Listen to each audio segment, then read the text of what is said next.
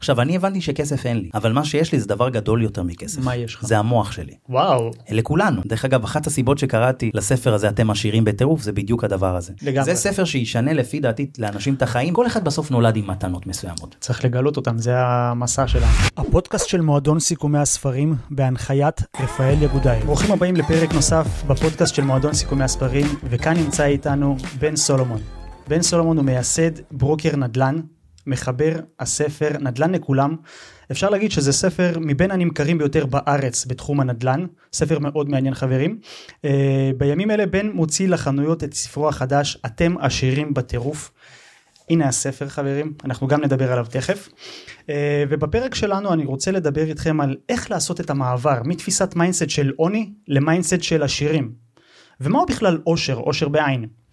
ואיך לצאת משכונת מצוקה להגשמה עצמית והשראה למאות אלפי אנשים, ואיך להפוך את התשוקה שלך למקצוע. ממש טופק. אז בן, רגע, אחרי כל, הפתיח המרשים הזה שהקראתי אותו. אוי ואבוי לי תראה אני אגיד לך מה זה הייתה בוא שכונה. נגיד שכונה- שכונה קשה מנטלית. הייתה שכונה מדהימה. לגמרי, הייתה שכונה מדהימה. פשוט אתה יודע כשאתה עולה חדש אני עליתי בשנת 91 לארץ. כמוני. אה, איזה יופי ראיתי אותך במטוס. בכיוון אחר. יש מצב יש מצב. אה, אז כשאתה עם כל הקשיי קליטה וזה זה זה מה שהופך את זה לפי דעתי להרבה יותר מאתגר אבל אתה יודע כשכונה זה שכונה. בסוף האנשים עושים את השכונה. כן, לגמרי. וברגע שמקפצים כל כך הרבה אנשים מרקע סוציו-אקונומי אקונומי נמוך שהוא די בעל כורחם כי אתה יודע כשאתה מגיע לארץ בטח ממדינה אה, אתה יודע מדינת עולם שלישי בוא נודה על האמת אה, אז ההשכלה וזאת אומרת יש פה הרבה הרבה מאוד פערי מידע אה, ופערים בין בין בין איך שה... בין איך שאלה שהיו כבר בארץ היו לבין ההורים שלנו.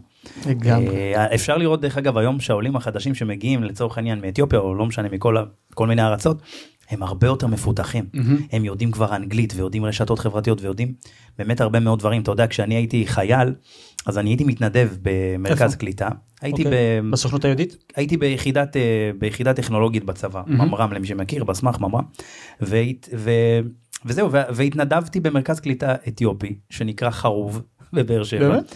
כן מרכז כניסה אה, קליטה מקסים אנשים באמת מקסימים ומרגשים.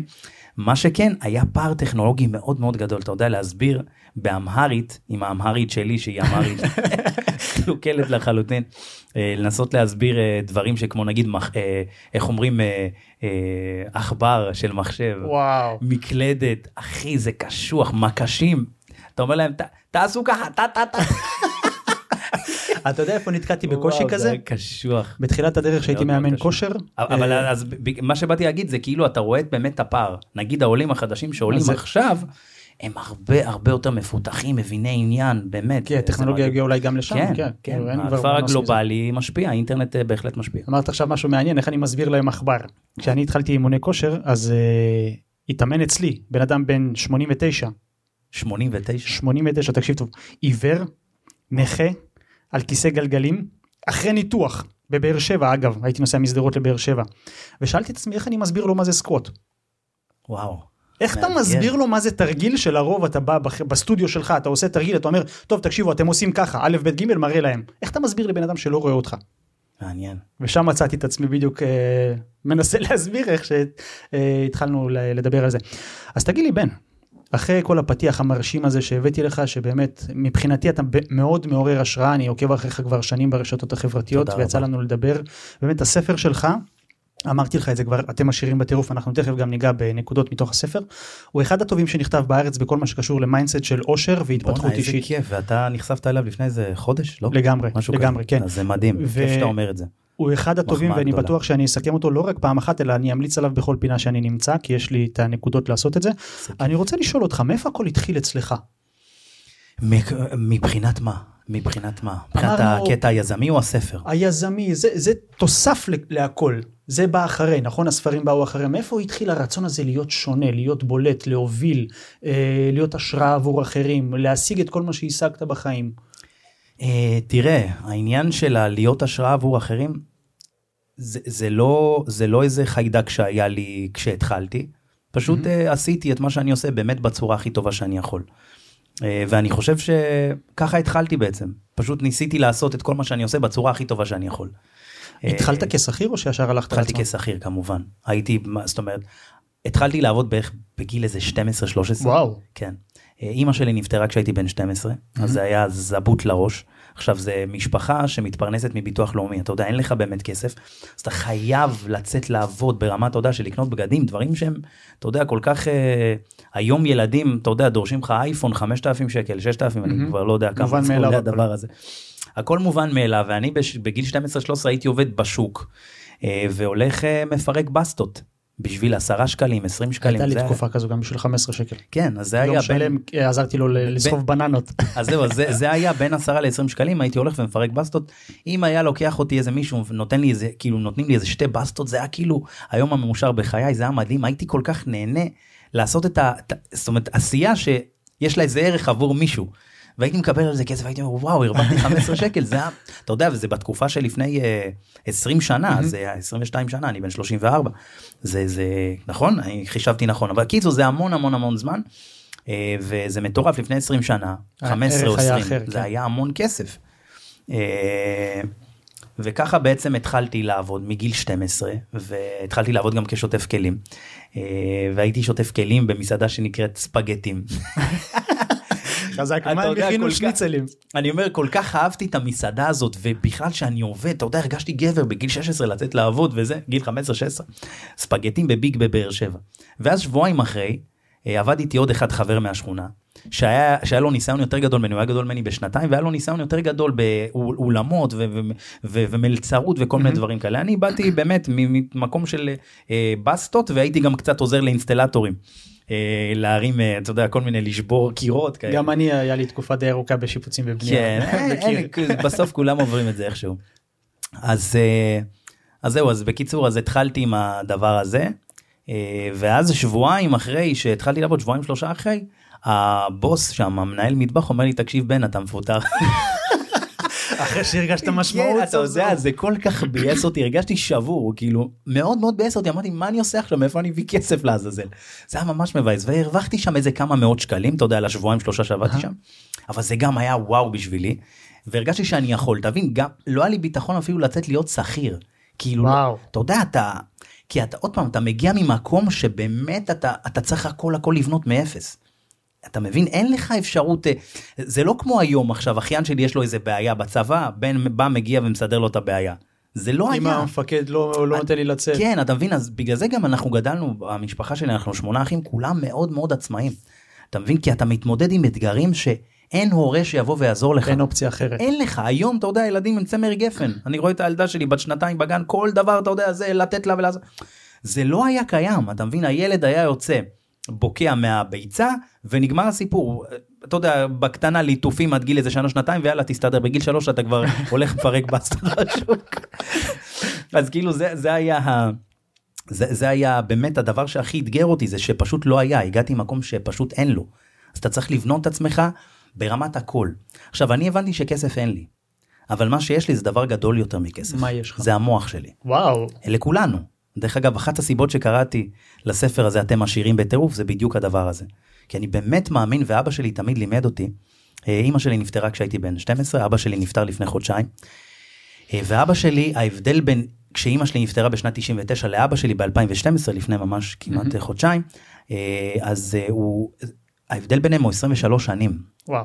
אז זה היה מטורף, אז מבחינתי הוא נתן לי מתנה באמת מדהימה של 23 שנים שהוא טיפח אותי וגידל אותי, ואני כל כך מעריך אותו על זה, ובאמת כל הדברים שאני עושה זה, זה השראה ממנו, אה, אפשר לומר, והוא נתן לי באמת המון המון המון כלים, וחלק מהכלים שהוא אמר לי, זה כאילו אני תמיד הייתי גר במקום כאילו אתה יודע שנחשב לא טוב ודברים כאלה, אבל בראש שלי הייתי במקום אחר חי, בדמיון שלי. בנית לך כן. סצנה אחרת. ויקטור פרנקל מדבר על זה בספר אה, אה, משמעות. האדם מחפש כן. משמעות. אה, שהוא כאילו היה כאילו בשואה אבל במוח שלו הוא זה- תמיד זה השיטה הלוגותרפיה, כן. בדיוק אז בדיוק הלוגותרפיה אז כאילו פיתחתי את הדבר הזה של להיות במקום מסוים פיזית אבל בראש להיות במקום אחר אז זה משהו שנתן לי הרבה תקווה והרבה השראה לעשות. לכיוונים שאני מדמיין אותם בראש. אתה מבין? דמיינתי שאני מרוויח משכורות מסוימות. אז אני זוכר אמרתי, וואו איזה חלום להרוויח משכורת של עשרת אלפים שקלים. זה היה כאילו נראה לי, אתה יודע, הזיה, גבוה. כי אה, בתקופה ההיא היו אנשים היו מרוויחים אלפיים, שלושת אלפים שקלים, אתה יודע, אני מדבר איתך לפני שנים. אז כאילו היית- אמרתי, וואי, אם אני ארוויח איזה עשרת אלפים, זה, זה בן אדם מסודר. אתה יודע, זה היה אפילו שמונה, כאילו שבע, שמונה, עשר, זה היה נשמע לי כזה המון המון המון כסף. וככה כיוונתי את עצמי לזה, כיוונתי וכיוונתי וכיוונתי. ואז בגיל, אה, אה, גיל, אה, זאת אומרת, השתחררתי, השתחררתי מהצבא, מהיחידה הטכנולוגית, ששינתה לי את החיים באמת בצורה מטורפת. היו כמה אירועים מכוננים בחיים שלי, ואחד מהאירועים זה באמת העניין הזה של, ה, אה, של הצבא. אז הייתי ממר"ם בסמך, אמרתי לך, עשיתי שם את ההכשרות, למדתי המון לטפל בשרתים וכל מיני קוד, כאילו כתיבת קוד קצת, כל מיני דברים שבאמת נתנו לי המון המון ברמה הטכנולוגית, אלה דברים שאני מתעסק איתם היום גם, שפתחו לי. את הראש בעסקים, אפליקציות שאני מאפיין, ועוד הרבה מאוד דברים שאנחנו עושים. ו... וזהו, ואז אה, היה לי בעצם התלבטות, כמו כל אה, חייל שמשתחרר, רגע, מה לעשות מועדפת, או לא לעשות מועדפת, ואם אני כבר עושה, איפה אני עושה את המועדפת. אז ככה בעצם הגעתי אה, ושאלתי את עצמי, ושלושה חודשים הייתי בבית, לא עשיתי, כאילו, לא, אתה יודע, קראתי ספרים ולמדתי. כבר אחרי הצבא? בת, כן, כאילו, הבנת אני, אני התחלתי ללמוד, האישית? אה, אז זהו, אני התחלתי עם ההתפתחות האישית בגיל 16. וואו, מה הספר לשמחתי. הראשון שקראת? וואו, זה ספר גם, עוד פעם, זה גם אחד מהאירועים המכוננים. אחותי הייתה קצינה אז בצבא, זה היה בתקופת ההתנתקות כזה. אוקיי. 2001, לא, לא, לא, קצת לפני. אה, אחותי הייתה קצינה בצבא והיא מאוד מאוד אהבה ספרים, ככה זה היה מעביר לה את הזמן, אני יודע, בשמירות, או לא יודע מה עשתה שם. היא הביאה את הספר ושמה אותו על ה... על ה... אני תמיד מספר את זה, על הפינת אוכל. עכשיו, אני עד אז לא קראתי ספרים, לא, אתה יודע, חייתי את הדבר הזה. ולא יודע, משהו בספר הזה סקרן אותי, בעיצוב שלו, לא, לא יודע, דוקטור ג'וזף מרפי, כאילו, מה לי ולדברים כוחו האלה, של אתה יודע. התת מודע? כן, ויפה, חיברת ישר. אז ראיתי את הזה דוקטור, ואמרתי, מה זה, מה זה תת מודע? לא ידעתי אפילו מה זה, מה, מה זה, מה זה תת מודע? תת מודע, מה זה אומר? וככה התחלתי לקרוא את הספר, שלושה ימים לא יצאתי מהבית, אחי, מהחדר. מקריאה. אחי, לעשות שירותים זה מים, ככה חייתי שלושה ימים. אתה יודע, מרוב שזה דפק לי את הראש בקטע כמו, אתה יודע, שאומרים נגיד... אה, גילית את ש- אמריקה. נכון, לא, נגיד שיש לך, אתה יודע, חבר שפתאום חוזר בתשובה, ואתה אומר, בואנה, אחי, הוא נדפק? כן. אז ככה חברים אמרו עליי, הוא נדפק, כאילו חזרתי מכיר את זה, בתשובה. מכיר את זה. אז אני אומר, חזרתי בתשובה איפשהו. אתה מבין שאני חזרתי בתשובה. אה, חזרתי בתשובה לעצמי. בתשובה הביתה. עבור, כן, ברחתי, ופתאום אמרתי, בואנה, יש פה אוצר. כאילו, יש פה דברים מטורפים שבחיים לא הייתי נחשף אליהם, לא הייתי נוגע בספר הזה. ואחותי מחפשת את הספר עד היום. כוחו של התת מודע? הוא עדיין מחפשת אותו, הוא לא חזר היא אליה, העלמתי לה אתה. העלמת אותו. ברור, מה אתה חושב? העלמתי לה את זה, והיא, איזה, איפה הספר? אין ספר חמודה שלי, ספר. שלי אצלי. כן, אז הספר אה, זה, קראתי וככה למדתי ממש, ואז כמה חודשים אחרי, כאילו עשיתי מזה סוג של, אה, כתבתי על זה המון. כאילו, יצרתי? במחברת סוג של סדנה על הדבר הזה. וואו. כן, ולמדתי ולמדתי ולמדתי ולמדתי ולמדתי, מתישהו אמרתי אני אעשה מזה כסף מה, מהאוצר הזה. ככה אמרתי, נשבע לך. אה, ולא טעיתי, אחרי זה, זה היה בגיל 16, ואז בגיל 17, 18 בערך, 18 וחצי, כאילו בצבא, התחלתי כבר לאמן גברים על כל מה שקשור בביטחון עצמי. אני זוכר בערוץ היוטיוב הישן שלך דיברת על זה גם, לא? כן, אז בביטחון עצמי עכשיו, איזה ביטחון עצמי? ביטחון עצמי עם נשים. וואו, pickup. עכשיו למה? כי הייתי מאוד מאוד ביישן, לא ידעתי איך, אתה יודע, הייתי בן אדם סופר ביישן אחי. ממש, אתה יודע, מאלה שלא מצביעים בכיתה, ולא, אה, הייתי בן אדם מאוד ביישן, בטח מנשים וזה. אז אמרתי בואנה, אני אלמד את הדברים באמת הרציניים ש, שיכולים באמת לפתח. פתאום ראיתי שזה עולם מטורף. אתה יודע, זה ביטחון עצמי, דימוי עצמי. דברים שלא קשורים ל... שומעת, איך קוראים לך? אבא שלך גנן? אתה מבין? אז פתאום הורדת אתה את כל לומד. התפיסות הישנות ופתאום בדיוק, סיגלת אתה משהו עובד על חדש. פרדיגמות ואתה בסוף זה, זה גם מתחבר כמובן לעולם המכירות. אתה מבין זה אתה יודע כלו, כי מלא מלא מלא דברים ומונחים שהם באמת תקשורת בין אישית, אם אנחנו- בדיוק. וזה מתחיל בתקשורת שלנו עם עצמנו. בדיוק אז למדתי את כל העולם הזה של הביטחון עצמי של גברים. אתה מבין? וואו. אה, דימוי עצמי והכל והתחלתי לאמן אנשים בצבא. הייתי לוקח 150 שקלים. אתה יודע למדתי את כל זה איזה שלוש שנים אמרתי בואנה יש לי ים של מידע בראש אחי אני כבר. נהייתי נהייתי מטיף של זה של, ה, של עולם ההצלחה כי חוץ מהספר הזה קראתי כבר עשרות ספרים עד הצבא. אתה מבין נראה לי מעל איזה 40. וואו. 40 אתה- אני, אני אומר עד הצבא מגיל 16 לא קראתי כלום ואז איזה 40 50 עד הצבא. כי אחי נהייתי תולעת ואז הגעתי לכיצד אה, אה, רוכשים ידידים והשקעה ש-. בדיוק קרנגי שמאוד מאוד אהבתי עוד את הכריכה הישנה הישנה, יש לי את זה. שזה הכי מהמם, עם הכריכה הקשה. כן. היום זה כריכה רכה, הם כבר לא משקיעים. אה, יש לי את הזה, גם אותו אה, אה, העלמתי ל... היום זה הפך להיות כיצד לרכוש ידידים והשפעה בדיגיטל, נכון, בעולם הדיגיטלי, משהו נכון. כזה. אז אז אה, גם זה ספר... העלמת ש- לאחותך? לא, ל- ל- ל- ל- לבן זוג של... או אחותי. קץ הספרים. כן, ממש אחי אתה קצתי המון ספרים כאילו היה לי כסף אחי זה 100 שקל אה. 100 שקל אחי זה הרבה כסף ואז ככה התחלתי ודרך אגב גם שכחתי שבין לבין בגיל בין בסביבות 16 כזה התחלתי לספר אנשים קניתי 200 שקל. מכונה כן מכל הכספים שעשיתי מה- אתה יודע פה זה פה פה מפטרים אותי שם מפטרים אותי פיצויים. וק- וקניתי מכונה. באיזה 200 שקלים משהו כזה והתחלתי לספר תמורת 5-10 שקלים חברים בשכונה הבנתי שזה לא בשבילי. ואז ככה אחרי הצבא. לא זה לפני הצבא ואז ככה אתה יודע התחל אה, כאילו העולם של היזמות אצלי הגיע בגיל די צעיר אתה יודע בגיל 15-16 כבר חשבתי איך אני עושה כסף מה אני עושה בשביל לעשות כסף איזה ערך אני נותן לעולם בשביל להרוויח לא ידעתי לדבר ואתה יודע במונחים שאני אומר לך איזה ערך כן. אמרתי מה אני יכול לתת שייתנו לי גם. אתה?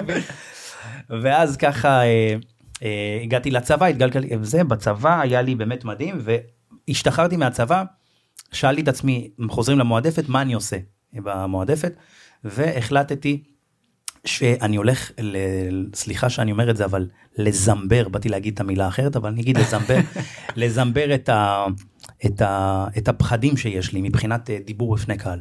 למה עשיתי את זה? כי ידעתי שמתישהו אני אהיה מנהל ואני אדבר בפני קהל אם זה עובדים צוותים וכאלה ידעתי. ציירת לעצמך את התמונה הזו כמו שאמרת בתור היה, היה לי ילד. את התמונה הזאת בראש שאני הולך להיות איש עסקים, ידעתי. שזה, כן בגיל צעיר כבר.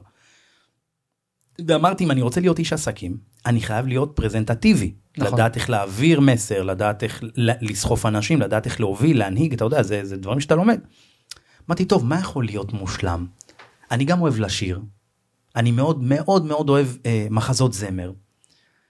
אמרתי יאללה בוא נרד לאילת ונעשה שם מועדפת שנה. נלך נתרום מעצמי שנה בשביל לזמבר את כל הפחדים שלי מבחינת קהל וללמוד הרבה הרבה מאוד כלים של משחק ודברים כאלה שיעזרו לי בחיים. אחי זה אחת ההחלטות הכי חכמות צוות שלקחתי. בידור? הייתי לא בצוות בידור זה כאילו חלק מצוות בידור זה נקרא מלצרים מזמרים. צוות בידור זה כאילו האייס סייד. אגדו. למה? מהסיבה הפשוטה שכאילו היינו שרים בלייב. אתה מבין צוותים של זה הם לא שרים בלייב אתה יודע זה זמרים מוקלטים זמרים מקצועיים ואז הצוות בידור שר כביכול אתה יודע עושה lip sync. אז אנחנו פשוט שרנו בלייב אתה מבין כאילו אותנו בחנו על, על יכולות אה, על? יכולות שירה. מה למדת מהפרזנטציות שעשית שם כשירה? אז זהו לא, זה לא פרזנטציות הייתי עושה שם מופעים מוזיקליים כאילו music כאילו ממש musical אתה יודע אה, ממש אה, מחזה זמר. אתה יודע זה יכול להיות גריז זה יכול להיות כל מיני דברים ואתה אחי אני אם לבן אדם רגיל זאת אומרת שאנשים שהגיעו לשם היה לוקח להם סביב השלושה שבועות משהו כזה ללמוד מחזה לי לקח פי שתיים יותר זמן פי שתיים וקצת יותר לקח לי סביב החודש וחצי חודשיים ללמוד מחזה אחד חודש וחצי. לחברים לקח סביב השבועיים אני לקח לי חודש וחצי ללמוד את זה זה מטורף וואו. אחי. עכשיו ואתה יודע מה כשעובר הזמן אני אומר כאילו מה היא משאירה אותי פה איך לא איך לא פיטרו אותי כי פיטרו את כולם. אתה יודע הגענו איזה לא יודע 30 העיפו את כולם אחי נשארו רק איזה שלושה ואני הייתי ביניהם. אתה יודע אמרתי מה אין לי פה ניסיון כולם שם אתה יודע עם אה, עבר של אה, להקה צבאית ופיתוח קול זה מפיק זה זה אתה יודע אתה רואה את כולם עוזבים ואתה אומר בואנה מה, למה היא משאירה אותי פה כנראה יש פה איזה משהו אחר שהוא לאו דווקא קשור במקצועיות שהם מחפשים כרגע. והיא מאוד האמינה בי למנהלת שלי קראו ענבל. אה, וזה נשארנו חברים טובים ככה תקופה אחרי ו, ו, וזהו זה היה אירוע מטורף עבורי הדבר הזה ללכת ולרקוד ולשיר אחי הייתי רוקד וואו. 14 שעות ביום רוקד? אחי רוקד והיו לי הבלות ברגליים כבר מ- מרוב יודע. אחי זה 14 שעות עכשיו אתה עובד 14 שעות לא, אה, כאילו אתה אה, אה, רוקד כל הבוקר משעה 7 הייתי קם אפילו 6 עד שעה 2 בערך ואז הולך למשמרת בערך משעה 3 מתחילה משמרת. משמרת של מלצר. וואו. תבין תחשוב זה קשוח גם אם פסיכולוגית זה מאוד מסתכלים על זה קשה. עכשיו אתה בנית את עצמך עוד אז. חד משמעית. זה- זה הבנייה עצמה. כל פעולה שעשיתי עד שפתחתי את העסקים שלי היא הייתה מאוד מאוד מחושבת. בשביל להרוויח את הדבר הבא ושיהיה לי סוג של יתרון תחרותי מסוים. אז אם כבר אמרת את מה שאמרת עכשיו אני רוצה לשאול אותך שאלה שמאוד מעניינת. אתה מבין. כאילו כל דבר שעשיתי ב- גם העבודות שנגיד הצבא כמו שאמרתי לך אחרי הצבא הלכתי בצבא הלכתי ליחידה טכנולוגית זה היה מכוון. כי אתה לפני כן בחרת את זה?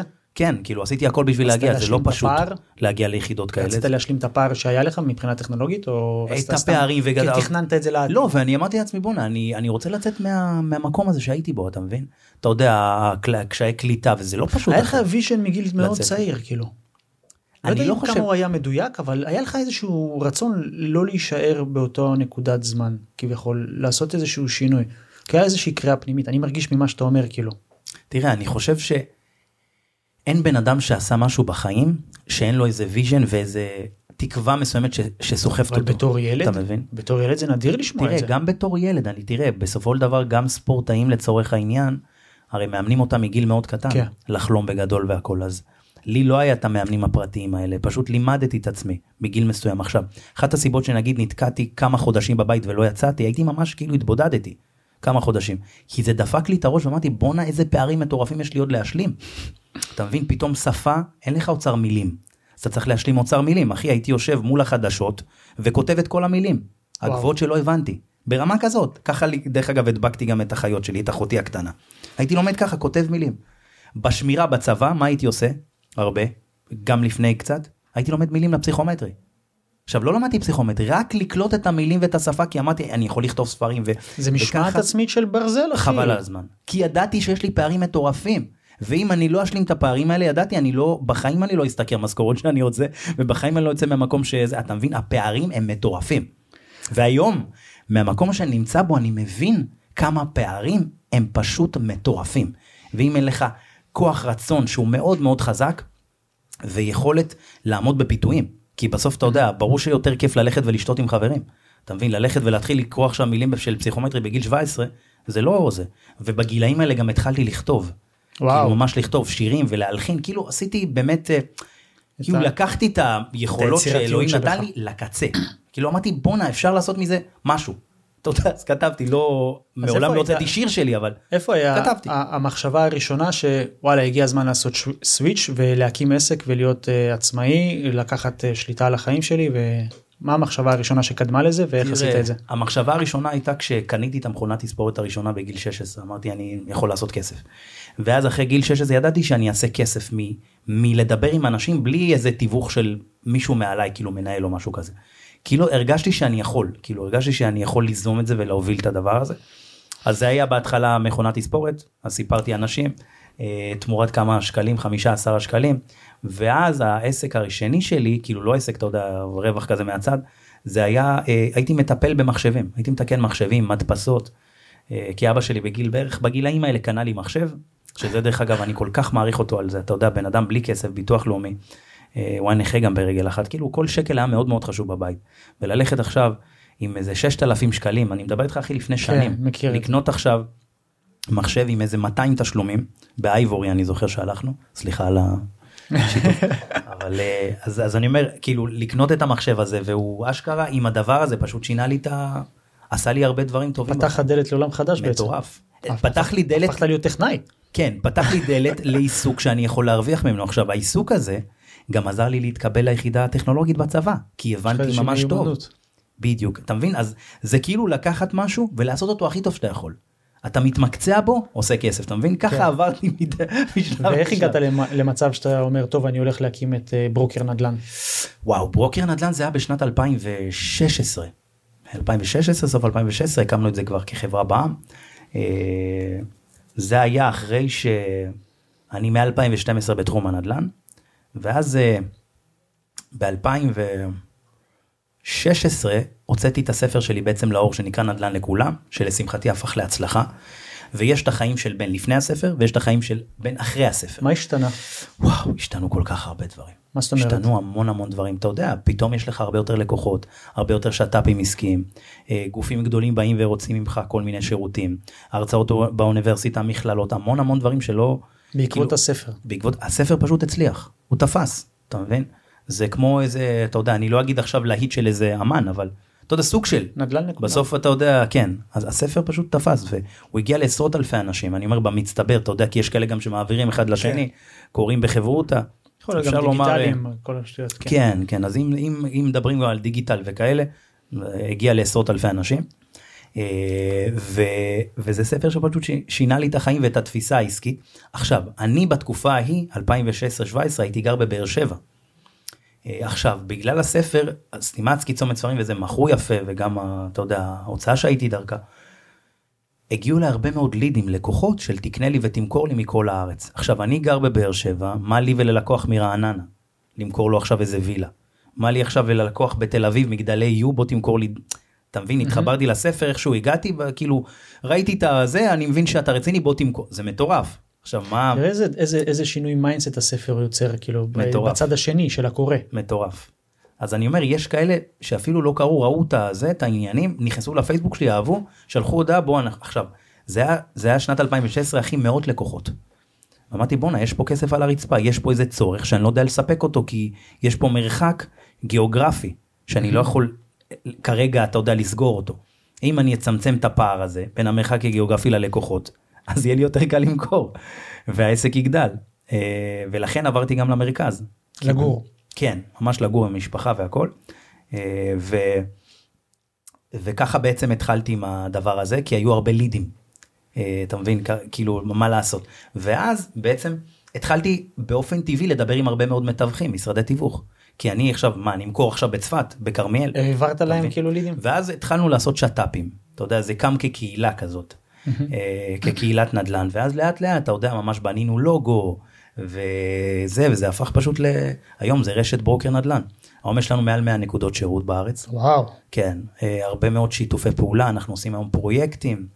אה, פרויקטים, אני מדבר על שיווק פרויקטים לקבלנים, עושים תיווך בכל הארץ. אה, אה, כמובן ליווי משקיעים, אתה מבין? אז אה, כל הדבר הזה, כאילו כל רשת ברוקר נדל"ן בעצם קמה מהרעיון הזה של הספר, נדל"ן לכולם. אתה מבין? בוא נראה מה הספר הזה יביא, אני כבר רואה מטורף. כאילו הספר הקודם? שינה לי את החיים. הספר הזה ישנה פה את ה... אני אומר, הספר הזה שינה לי את החיים, וגם שינה לאנשים את החיים ברמה הנדל"נית. לגמרי. זה ספר שישנה לפי דעתי לאנשים את החיים ברמה ה... אתה יודע, להבין מה זה ה mindset כן. של אושר. כי מד- מדברים על זה המון שים לב אה, דיברנו עכשיו על אה, כל מיני דברים ואני עוד פעם נתקע במה שסיפרת בהתחלה על עצמך ואיך הכל התחיל וכל מיני דברים כאלה ואני אומר לעצמי רגע לכל אחד מאיתנו יש סיפור חיים כל אחד מאיתנו הסיפור שלו או מנהל אותו או דוחף אותו. איך אתה הצלחת להפוך את סיפור החיים שלך הגדרת את זה יפה, הוא מנהל אותו, זה, זה הכי נכון שיש. איך הצלחת להפוך את סיפור החיים שלך לסיפור ההצלחה שלך. אה, תראה, אני אגיד לך, וואו, זו שאלה שהיא טריקית קצת. איך הצלחתי להפוך את ה... אני אגיד לך מה, ב... הבסיס שלי, אני אגיד את זה הכי עשיר, הבסיס שלי הוא בסיס שאו שאתה, או שיש לך או שאתה פשוט לא תהיה. וואו. אתה במילים אחרות. אני מדבר על התקופה ההיא. אתה מבין? אין לך יותר מדי, זאת אומרת, אתה לא יוצא לעבוד, פשוט אין לך. אתה מבין? אין לך ברירות. זה, ה- זה או להיות או לחדול. הרבה, הרבה נופלים במלכודת הזו. המחשבתית, הרבה נופלים במלכודת המחשבתית והם אה, מתקרבנים סביב השיח שמתנהל להם בראש. היה לי את אבא שלי. וואו. היה לי את אבא שלי שדחף אותי ואמרתי לך, אנחנו גרנו במקום מסוים, במוח שלי גרתי במקום אחר לחלוטין. אתה מבין? לא- אז כאילו אבא לוגותרפיה. שלי, אבא שלי לימד אותנו ממש כל הזמן להשכיל, כל הזמן ללמוד, לכתוב, לקרוא. כל הכישורים שזה זה, זה אבא שלי תמיד אומר לי "ת- ת- תפתח את הכישור, אלוהים נתן לך מתנות, מתנה. תמקסם אותם. ואני אומר לך כל מקום שהייתי פשוט אמרתי לעצמי מה אני יכול לעשות יש הכי לי טוב. צמרמורת שאתה אומר את זה עכשיו. מה אני יכול לעשות הכי טוב? הייתי עובד, לא יודע, בידיעות אחרונות, מה אני יכול לעשות הכי טוב? וברוך השם הייתי מצטיין במכירות? כל מקום. אני אגב אגיד פשוט לך, תשאלו את עצמכם, אתה יודע, יש את הספר ארבע הסכמות של דון מיגל רויס, נכון? היום כבר יש חמש, יש שלוש, יפה, שבע, שמונה, אבל אה, אה, בוא נלך לטבעי, אנחנו כן. אוהבים את הטבעי, אבל אחד מהדברים שהוא אומר זה בעצם עשו כמיטב יכולתכם ובמרכאות תניחו לזה לאחר מכן. כן. זה בדיוק העניין, ככה חייתי. בלי לקרוא את הספר, עוד לא הייתי חשוף לזה. פשוט איפה שאתה נמצא, תעשה את מה שאתה יכול, באמת את הטוב שלך. אתה מבין? לכל אחד, כל אחד בסוף נולד עם מתנות מסוימות. צריך לגלות אותם, זה המסע שלנו. כן, ואני חושב שאם בן אדם מסתכל על עצמו מספיק, וכותב כל יום ומנהל יומן וזהו, הוא בסוף, הוא יגיע לזה. הוא מסיר את הקליפות כביכול. חד משמעית. אני מאוד אוהב, זה מה שאמרתי ככל גם שאתה יותר מקודם. מודע לעצמך ככה הקליפות, יותר איזה, אתה גם יותר פגיע אבל. כשאתה יותר. מודע אתה יותר פגיע. וזה, בדיוק. וזה טוב. וזה וזה גדולה לאפשר לעצמך להיות בנקודה הזו. כן. עוד פעם. אה, אבל, אני- אבל כשאתה בהתחלה אתה בטח תסכים איתי שבהתחלה שאתה בעולם של ההתפתחות בשנתיים שלוש הראשונות אתה מרגיש סוג של סופרמן כאילו אתה מבין את זה בצורה כזאת שהיא כל. כך קיצונית, שהיא כאילו היום אני לא פגיע לכלום, לא בוכה, לא זה, אחי זה טעות. אני. היום בוכה, אחי. צריך וזה לשחרר. צריך לקבל כל אנרגיה. אחד, אחי, אני יכול לשמוע שיר ביוטיוב, משהו שזה ייגע בי, אותו דמעות. זה מטורף, זה לא היה בעבר, אתה יודע, ואני אני נהנה מזה, אני אומר, ה- "בואנה, זה ריגש אותי. המפתח כאן זה. לאפשר. כן, לחלוטין. לאפשר וזה- וזה לכל דבר זמן, זה להיות. זמן, זה לא לוקח, זה לא. משהו ש... אה, אני אוהב שאתה כותב בפייסבוק אתה כותב המון אה, פוסטים אה, כתבות ודברים כאלה. אני מאוד אוהב את הסגנון שלך כי הוא מאוד אמיתי. למרות שאתה כותב דברים מאוד עמוקים מאוד יפים מאוד אה, גדולים ומעצימים אתה משאיר את המקום האמיתי ואני אוהב גם שאתה מכניס את התובנות ואת המסרים שלקחת מאבא שלך. ולאחרונה כתבת מאמר שנקרא חוק המרת הדופמין חוק המרת הדופמין, כן. אני רוצה שתספר לי על זה קצת ולצופים שלנו כן אה, כן, קודם כל אתם אה, מוזמנים לכתוב אה, חוק המרת הדופמין בן סולומון בגוגל להגיע למאמר הזה. אנחנו נשים קישורים גם אה, ל- מעולה, מעולה, אז אה, יהיה קישור. ויהיה קישור פה ביוטיוב או ספוטיפיי, איפה כן. שתשמעו את הפודקאסט המהמם של רפאל. אז חוק המרת הדופמין הוא באמת, ככה כתבתי דברים, כותרות כזה. בתכלס כולנו רוצים אחרי דופמין. כולנו. זאת אומרת שאתה אתה מאוד רוצה להיות שמח. אתה מאוד רוצה להיות בהיי, אתה מאוד רוצה ש, שיהיה לך טוב. כשאתה עם חברים שלך, יש דופמין. נכון כשאתה עם אשתך וטוב לך, יש דופמין. כשאתם באינטימיות, יש דופמין. כאילו, כל הדברים הטובים בחיים יש סביבם אה, כמויות של דופמין, אתה מהמם. מבין? עכשיו, אני קורא לזה, יש דופמין רע ודופמין טוב. הדופמין הרע הוא דופמין שהוא בעצם מגיע מתוך מקום שהוא יותר אה, אינטואיטיבי, ספונטני, אוטומטי. מצב הישרדותי כאילו. בדיוק, זה הרע. זה הדופמין הרע, שדרך אגב רובנו חיים את הדבר הזה. אה, אני יכול להגיד לך שאני גם נופל הרבה פעמים ואני כולם הרבה אדם. פעמים בדופמין הרע. אבל אני מודע לזה, אתה מבין? כאילו ברגע שאתה מודע לזה יש לך איזה, זאת אומרת כלי להתמודד איתו, אתה יודע שזה לא טוב, ואז אתה יודע, אתה, אם אתה מודע ומספיק עבדת על עצמך, אתה יודע שפעם אחת אתה נופל, פעם שנייה, פעם עשירית אתה כבר לא תיפול, אתה כבר תיקח את עצמך, תבין? זה לא טוב לי. אתה מבין? אה, אז זה הדופמין הרע. הדופמין הטוב זה בעצם תהליך שהוא, אתה, אתה, אתה הופך את הדופמין, אה, זאת אומרת את הדבר הזה להמרה. זאת אומרת מדופמין רע, אתה מעביר את זה לדופ, לדופמין טוב.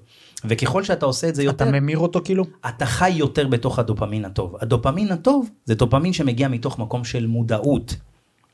אה, זה המאמר בעצם ועכשיו איך אתה מגיע למקום כזה של דופמין זאת אומרת איך אתה מגיע בעצם למודעות של דופמין טוב כי שוב פעם המוח כל הזמן מחפש שיהיה לנו טוב הוא בורח מכאב נכון אז אנחנו קודם כל צריכים להיות מודעים לזה וצריכים להבין שבחיים יש את הדופמין הטוב ואת הדופמין הרע. בדופמין הרע.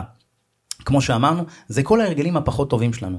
לצורך העניין סתם אני עכשיו זורק דברים שהם אה, אה, אה, בעיות של המאה ה-21 אה, אנשים שלא יודע מתמכרים לפורנו מתמכרים למסכים. אלה בעיות שהן אקוטיות שמתמודדים איתם יום יום שברמה כזאת שיש לא יודע אתה יודע קבוצות אנונימיות כל מיני דברים שהם אה, אה, מחלות מה שנקרא שהעידן החדש יצר. אז כל הדברים האלה המסכים כל הדבר הזה זה הדופמין הרע. כי הוא משאיר אותך תקוע באיזשהו מקום. כן. כל העניין של הרשתות החברתיות שאנשים פשוט מכורים לזה מאיפה זה מגיע הדופמין הרע אבל תחשוב שאם אתה מודע לזה רגע שנייה במקום להרים את המסך טלפון תכתוב את העבודת סמינריון שיש לך או תכתוב את המאמר שאתה צריך בתור בעל עסק ותשחרר את זה כבר מהמם. אז זה בעצם לקחת את הדופמין הרע להגיד רגע שנייה מה עדיף לי טלפון או עכשיו להוציא את המאמר הזה לרשימת תפוצה שלי. אז זה לקחת את הדופמין זה להיות מודע בום לשבור את הרצף ולהפוך את זה איזה. עכשיו אני קורא לזה לדבר הזה אה, אה, כאילו מה- מצאתי בעצם זה איזה תובנה שעלתה לי ב- ממש בבוקר כי אני מתעורר באיזה ארבע וחצי בבוקר אני מאוד מאוד אוהב את מהר את הבוקר. הציפורים. אחי אני חולה על הבוקר ודרך אגב גם את זה למדתי מאבא שלי. הוא קם פשוט היה קם בארבע וחצי בבוקר מתאמן מתקלח ככה. אז אני מאוד יש משהו מיוחד באווירה של הבוקר, אנ- פשוט- אנרגיה אחרת. אחי יש לך איזה שעתיים וחצי פור זה מטורף תחשוב ארבע וחצי יש לך שעתיים וחצי עד שבע. תחשוב על זה שאתה, ה- האנרגיה היא יותר נקייה כי אין את הקשקשת ברשת של כל מי. שקם בחמש. שש, שבע. חד משמעית עכשיו בזמן הזה גם שאני קם אני לא נוגע בטלפון בכלל עד שעה שמונה בערך לא נוגע שלוש שעות. מתעסק נטו. אז מה הרוטינה שלך? אתה קם בארבע אה, וחצי. אימונים אה, יש לי את הכתיבה שלי כל מיני דברים כאלה של אה, רוטינת זה אבל בוא נמשיך עם הזה כן, שלא. נברח מזה. עכשיו ב- בעניין של הדופמין יש מה שאני קורא לזה קופסת קופסת דופמין מקדמת. זה איזה קופסה דמיונית כזאת שאתה בעצם אה, מכניס בה סוג של חטיפי אנרגיה ברגע שיש לך ירידה כזאת מסוימת. לצורך העניין אם בא לי עכשיו לראות איזה משהו שהוא י- יזיק לי או אה, מסכים, או איזה אה, הרגל נגיד של עישון, הרבה מאוד הרגלים שהם לא טובים, שאנחנו יודעים שהם לא טובים, אבל הם מסיבים לנו כאילו אושר. עונג כלשהו. עונג כלשהו. הרי אנשים לא סתם מעשנים סיגריה. נכון. אם היית מעשן סיגריה והעיניים שלך היו יוצאות והיה שורף לך, כנראה לא היית מעשן. עשר שנים אני לא מעשן כבר. יפה, אז או אומרים לך תעשן, אם אתה מעשן סיגריה עכשיו נופלות לך כל השיניים. אם זה עכשיו, אם זה היה מיידי כן לא היית עושה. לא היית עושה. הגוף שלנו יודע לספוג. בדיוק, אתה מבין? אז, אז המוח אומר לך הכל טוב, דחייה, דחייה, דחייה, המוח רוצה עונג. נכון. כאילו משהו, זה, זה הדופמין. אז הקופסת דופמין בעצם, כאילו מה שאני כתבתי במאמר זה לדמיין קופסת דופמין ולאסוף חטיפי אנרגיה שיהיו לנו במהלך היום ברגע שיש לנו את הנפילות. אז חלק מהנפילות, זאת אומרת חלק מהדברים שאנחנו יכולים לעשות ברגע שיש לנו נפילה, זה נגיד פעילות ספורטיבית של בין 2 ל-3 דקות. להקפיץ את האנרגיה. להקפיץ את האנרגיה. פעילות ספורטיבית שמקפיצה לך אינטנסיבית. משהו לרקוד, זה מה שרובין. שרמה ממליץ בספר חמש בבוקר. בדיוק אז אני אומר נגיד לכתוב אה, נגיד לשים שיר אה, מסוים שאתם אוהבים 2-3 דקות פשוט לרקוד אותו אבל באנרגיה גבוהה לא להתבייש כאילו לעשות את הזה לקבל הדבר הזה קוטע לך את הרצף. אתה יודע איך קוראים לזה. בעולם ה-NLP? break state. בדיוק שבירת אה, שבירת שרשרת או כן. שבירת אה, לולאה. כן. הרי המוח כל הזמן חושב בלולאות אז אם אתה שובר את הרצף אה, ואז הוא- מה שנקרא עושה הפרדה לצורך העניין אם ההרגל הרע הוא צבע שחור ההרגל הטוב הוא נגיד אה, לא יודע נגיד צבע צהוב אז אז יש לך את ההפרדה נכון. במוח אתה עושה את ההפרדה הזאת. אז פה אז דיברנו על פעולה, פעולות אה, אה, ספורטיביות שניתן לעשות כתיבה. כתיבה מאוד וואו, מאוד משחררת. משחררת. לצורך העניין אם אני רוצה לעשות משהו שהוא מזיק אני יודע שעכשיו ישרוף לי זמן אז אני פשוט כותב את זה אני כאילו מוציא את זה על הדף את את הרגש הזה. את מוציא אותה אותו. אנרגיה כאילו בדיוק, לטוב ולרע. מנקה מעצמי את האנרגיה הזאת אז זה כתיבה וקריאה. עכשיו מה זה קריאה? זה יכול להיות ציטוטים אה, מאוד מאוד חזקים שגורמים לך פילוסופים. בדיוק שגורמים לך לעשות ת, תאסוף איזה 5-10 ציטוטים שגורמים לך אתה יודע שבא לך לתלות אותם בדירה לכולנו יש ציטוטים שנוגעים לנו בנקודות מסוימות יכול להיות שיהיה ציטוט שיעשה לי וואו ואתה פחות תאהב אותו אז תחפשו את הזה אני נגיד תגיד לי עכשיו את הציטוט של נייקי just do it אחי עושה לי משהו בגוף. הוא עושה לי משהו הוא עושה לך משהו הציטוט הזה? אני משנן אותו. just do it כן. יפה אתה מבין זה מטורף. אני יש לי גם ציטוטים מהתנ"ך וכל הדברים האלה. תחשוב איזה גאוני זה. הם כן. עשו סלוגן שהוא מניע שהוא אותך. הפך להיות אה, תנועה. תרבות חיים, תנועה. תנועה פילוסופית, כי אנחנו מדברים על זה וזה לא סלוגן כבר שקיים כן. עשרות שנים. אז זה הדבר כתיבה וקריאה. דבר השני, אה, זה נקודות, אה, נקודות השראה ביום. זה יכול להיות כתיבת? אה, כמו הציטוטים, אוקיי. ספר, אה, פודקאסט, קטע מפודקאסט. להאזין? בדיוק. את השלוש ארבע דקות האלה רק לשבור את הרצף, אמרנו זה שחור, Mm. ת, תעבירו את זה לצהוב. עוד פעם צריך להיות בשליטה במודעות על זה. בגלל זה אני אומר קודם כל להיות מודע וכשאתה מודע לחוק המרת הדופמין וואו חזק. אתה הרבה הרבה יותר יותר קל לך להתנהל ביום יום אתה יודע אני עם הדבר הזה עם החוק הזה שהבנתי לא ידעתי איך להגדיר אותו אבל ככה אתה יודע קצת הייתי מודע ואז אמרתי קמתי השבוע אמרתי בואנה זה מה שאני עושה. כאילו בא לי איזה משהו אחי אני הולך אה, מרים משקולות בא לי זה אני יורד לשכיבות צמיחה זה מטורף כן. אבל זה שובר את ההרגל. תחשוב בשיטה הזאת אני הפסקתי לעשן סיגרות הייתי מעשן משהו כמו חמש שנים. וואו. אני, לא מעשן, אני מדבר כשהייתי נער אני כבר שנים לא מעשן. אה, והפסקתי הפסקתי המון המון הרגלים והתחלתי הרגלים מקדמים כמו נגיד ההרגל של לקום בארבע וחצי חמש בבוקר. אתה מבין זה הרגל שכל העניין הזה של לדעת לעבוד עם דופמין שהוא חיובי והוא מגיע עם מודעות כי דופמין שמגיע ממקום טוב זה דופמין שהוא עטוף במשמעות. אפשר להגיד שזה אלכימיה. כן. אתה ממיר כאן איזשהו וואו איזה חזק. ממיר. חול לזהב לפי דעתי זה אתה יודע אם אתה יודע לעבוד עם אנרגיות. העניין של בדיוק אני אומר אם אתה יודע לעבוד עם העניין של הדופמין ודואג לעצמך לדופמין מקדם. לא באופן דופמין מזיק, יזום. אחי זה מטורף מה אתה תהיה כי אתה פתאום מנהיג את החיים שלך. כי הדופמין מגיע המוח אומר לך אני רוצה דופמין. כי הוא- אתה, אתה, אתה חייב כי אחרת אתה תיכנס צורך על בסיס. טבעי כן. בדיוק. אתה מבין בן אדם שאין לו איזה כאילו זה אז הוא, הוא נכנס לדיכאון. אז אתה צריך איזון מסוים בשביל הדבר הזה נכון? יש לך את הקורטיזול הורמון הפחד יש לך את הזה אתה צריך איזון בחיים האלה. כן. אז אז העניין של להיות מודע לדבר הזה שנקרא דופמין החוק המרת הדופמין זה פשוט לקחת את ההגה ובמקום להסיט אותו שמאלה למקום של הדופמין הרע אתה לוקח את זה ממיר את זה לדופמין. הטוב. אתה יודע בספר חשוב התעשר נפוליאון ניל כותב המרת המין. משהו בסגנון הזה נכון. הוא לקח הוא, הוא מדבר על מין הרבה חשוב שזה על אה, סקס וכל השטויות האלה אבל הוא מדבר על האנרגיה המינית שיש בנו שבעצם אנרגיית היצירה. אוקיי? נכון אה, מאוד. משהו מאוד מעניין זה- אם זה- נכנסים לעומק הדופמין גם ככה זה קוד- קודם כל זה חוק מטורף ומדהים וזה חוק שאם מבינים אותו לעומק, בטח בתור גברים, אתה מבין כמה עוצמה שיש בו. כי היום אפשר לומר האנרגיה הכי חזקה בטבע היום זה המין. אתה יודע כשעושים מחקרים עשו מחקרים על עכברים ראו מה הם רוצים. אה, זאת אומרת לאן הם ילכו לאן אה, נטיית ליבם mm-hmm. אוכל כשהם רעבים או, או סקס הם הלכו לסקס הם הלכו למין. אז אתה מבין כמה אנרגיה מינית היא מאוד מאוד חזקה תחשוב על עצמך תחשוב על חברים שלך שווארמה כשהם רעבים או mm-hmm. נגיד הם רווקים מישהי עכשיו חדשה אתה, אתה מבין לאנרגיה כן. דרך אגב זה גם אה, נכון לנשים אותו דבר אתה יודע. המשחק, תמיד... האופציה משתנה המשחק משתנה. כן אה, אה, אתה יודע הייתה פרדיגמה עד לפני כמה שנים שכאילו גברים יותר כן. יותר חרמנים מנשים וזה חרטא כולנו בסופו של דבר אדם אנחנו, בסופו של דבר כל אחד הרצון שלו יותר פחות. אנחנו יצורים מיניים וזה לא משהו שצריך להסתיר אותו הכל טוב. דרך אגב את הדבר הזה גם לא הייתי אומר לפני זה אבל אני אומר וואלה כאילו למה אתה יודע צריך פשוט באמת לזרום. ו... אתה יודע בן אה, אתה מאוד פעיל חברתית ברשתות החברתיות אבל בצד החיובי של זה אני רואה בך מקור השראה מאוד ענק. ויום אחד באמת משכת לי את העין באיזשהו משהו שעשית אני מאוד אוהב. רק יום אחד חוצפן. לא תקשיב היום הזה הוא מאוד משמעותי בעיניי כי אז אני אמרתי רגע יש כאן איזשהו משהו באמת שלא כל אחד עושה אותו. אתה הרמת הפקה של אירוח אנשים מאוד חשובים כל אחד בתחומם ואתה היית מארח וזה באמת הייתה הפקה פנומנלית לאותם זמנים. טלוויזיונית.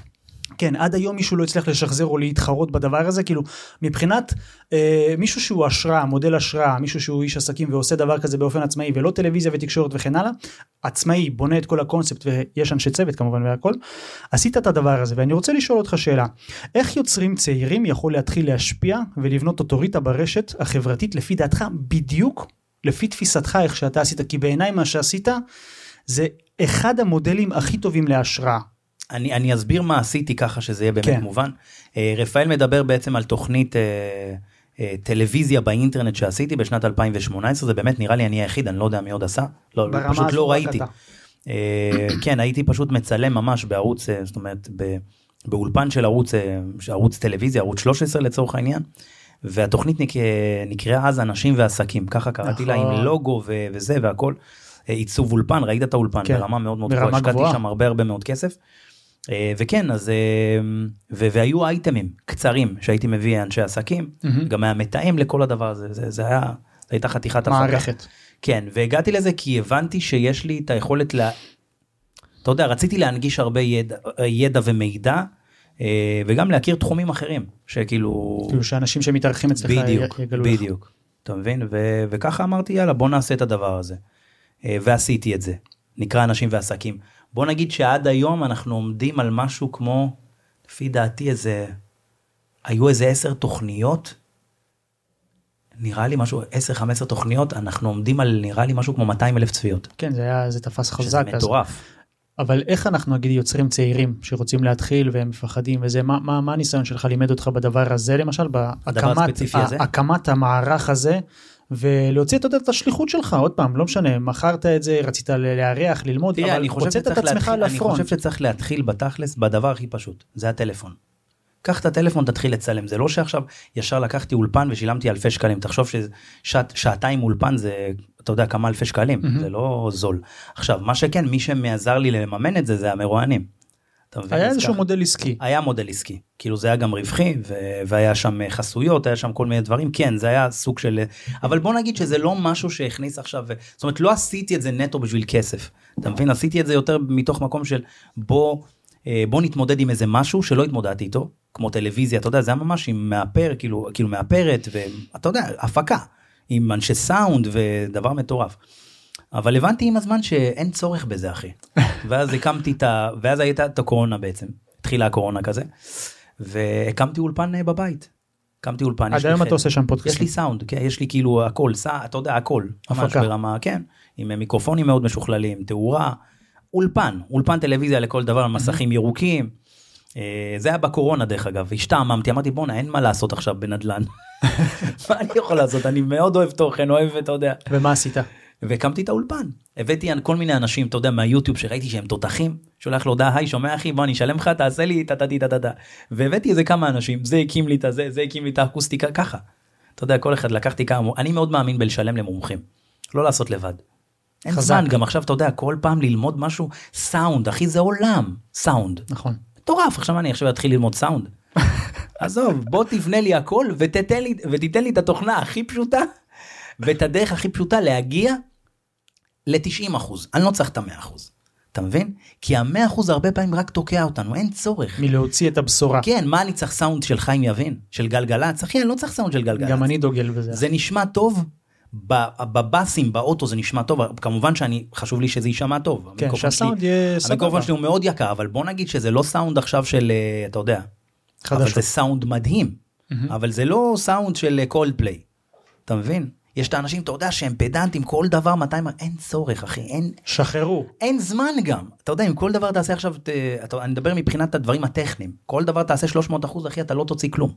תוציא, תוציא, תוציא. אני חושב שגם זה משהו שעזר לי להתמיד בכל העשייה שלי עם ספרים, שפשוט שחררתי. אתה יודע איזה מלחמה הייתה לי פנימית עם עצמי, להוציא, לא להוציא, מה יגידו, לא יגידו, ואיך זה, בסוף אמרתי, אה, כוסוכטוק, מה שיהיה יהיה. שלחתי את הסרטון וזהו. משם ארבע שנים כל שבוע אותו דבר, ורק הסרטונים מתרבים, וזה פשוט לשחרר, באמת, כמו שאמרת, לשחרר את זה ולא לדגול בשלמות, לתת איזשהו סטנדרט, שיהיה לכם סטנדרט חד כלשהו. משמעית, ברור. אתם, חשוב להבין עוד פעם במסע היצירה שלנו, שאנחנו אחי, בונים את תש- הסטנדרט. אחי, 90 אחוז זה, זה מטורף. אנחנו בונים את דרך הסטנדרט. אגב, ה-90 אחוז הוא יותר טוב מ-90 אחוז. נכון. אתה מבין? זה בדיוק העניין, זה מה- זה מה שאתם צריכים. תקשיב, יודע, בסוף, הפרפ... דרך אגב, אני מדבר על זה באחד הפרקים, פרפקציוניזם עסקי. אנחנו כאילו- תכף נגיע לזה. אז, אז כאילו הדבר הזה של פשוט להגיע לאיזה משהו שאתם כאילו סבבה איתו ותשחררו כי אחרת כל דבר תיתקעו לא יצאו שירים טובים לא יהיו לחנים טוב- אחי לא המוזיקה לא, לא תצא לא, לא תהיה מוזיקה בעולם. ואז ישתנה הז'אנר. אחי חד משמעית צריך לשחרר וגם הספר הזה עד שהוצאתי אותו אחי לקח לי מעל שש שנים לאסוף פה חומרים. טוב, זה הכתיבה שלך, מה שכתבת לעצמך כנראה. כן. ואז תבין אה. שבהתחלה בספר היו מעל כאילו אני מדבר אתה יודע הסקיצה הראשונית מעל 300 טיפים. וואו, קיזזתי קיזזתי צמצמת. לכמה בסוף? 73. אתה מבין? וואו. אתה מבין איזה מטורף. איך מוותרים על טיפ? וואו, אתה יודע, אחד איזה הדברים, קשוח זה, אה? אני חושב שאחד הדברים שהכי קשים והכי מאתגרים לאיש עסקים, זה לדעת, נראה לי כבן אדם בלי קשר לאיש עסקים, זה לדעת אה, להגיד לא יותר מאשר כן אפילו. חזק. נכון. ככל שאתה מתקדם, וואו, כמויות השת"פים היום נגיד שמבקשים ממני, עזוב, יצא הספר עכשיו, אני מדבר איתך אחי על שלושה ימים. אתה יודע כמה קהילות מבקשות ממני שת"פים? ואני לא נותן לכל קהילה. אתה יודע, אני רוצה איזה משהו שבאמת, מה, אני עכשיו, בינינו אחי, אני מדבר איתך עכשיו רציני. מי שחושב להתעשר מספרים, מכירת נטו של ספרים, אל תוציאו ספרים, כאילו, אתה מבין, אני לא הולך להתעשר מהספרים האלה. אז זה לא מעניין אותי עכשיו, אתה יודע, קהילות פונות אליי, בוא נעשה, אחי, אני לא הולך להרוויח מהספרים, הספרים בסך הכל באו באמת לעזור, ו- ומה שיוצא מהם זה דבר מדהים. אני לא, אתה מבין?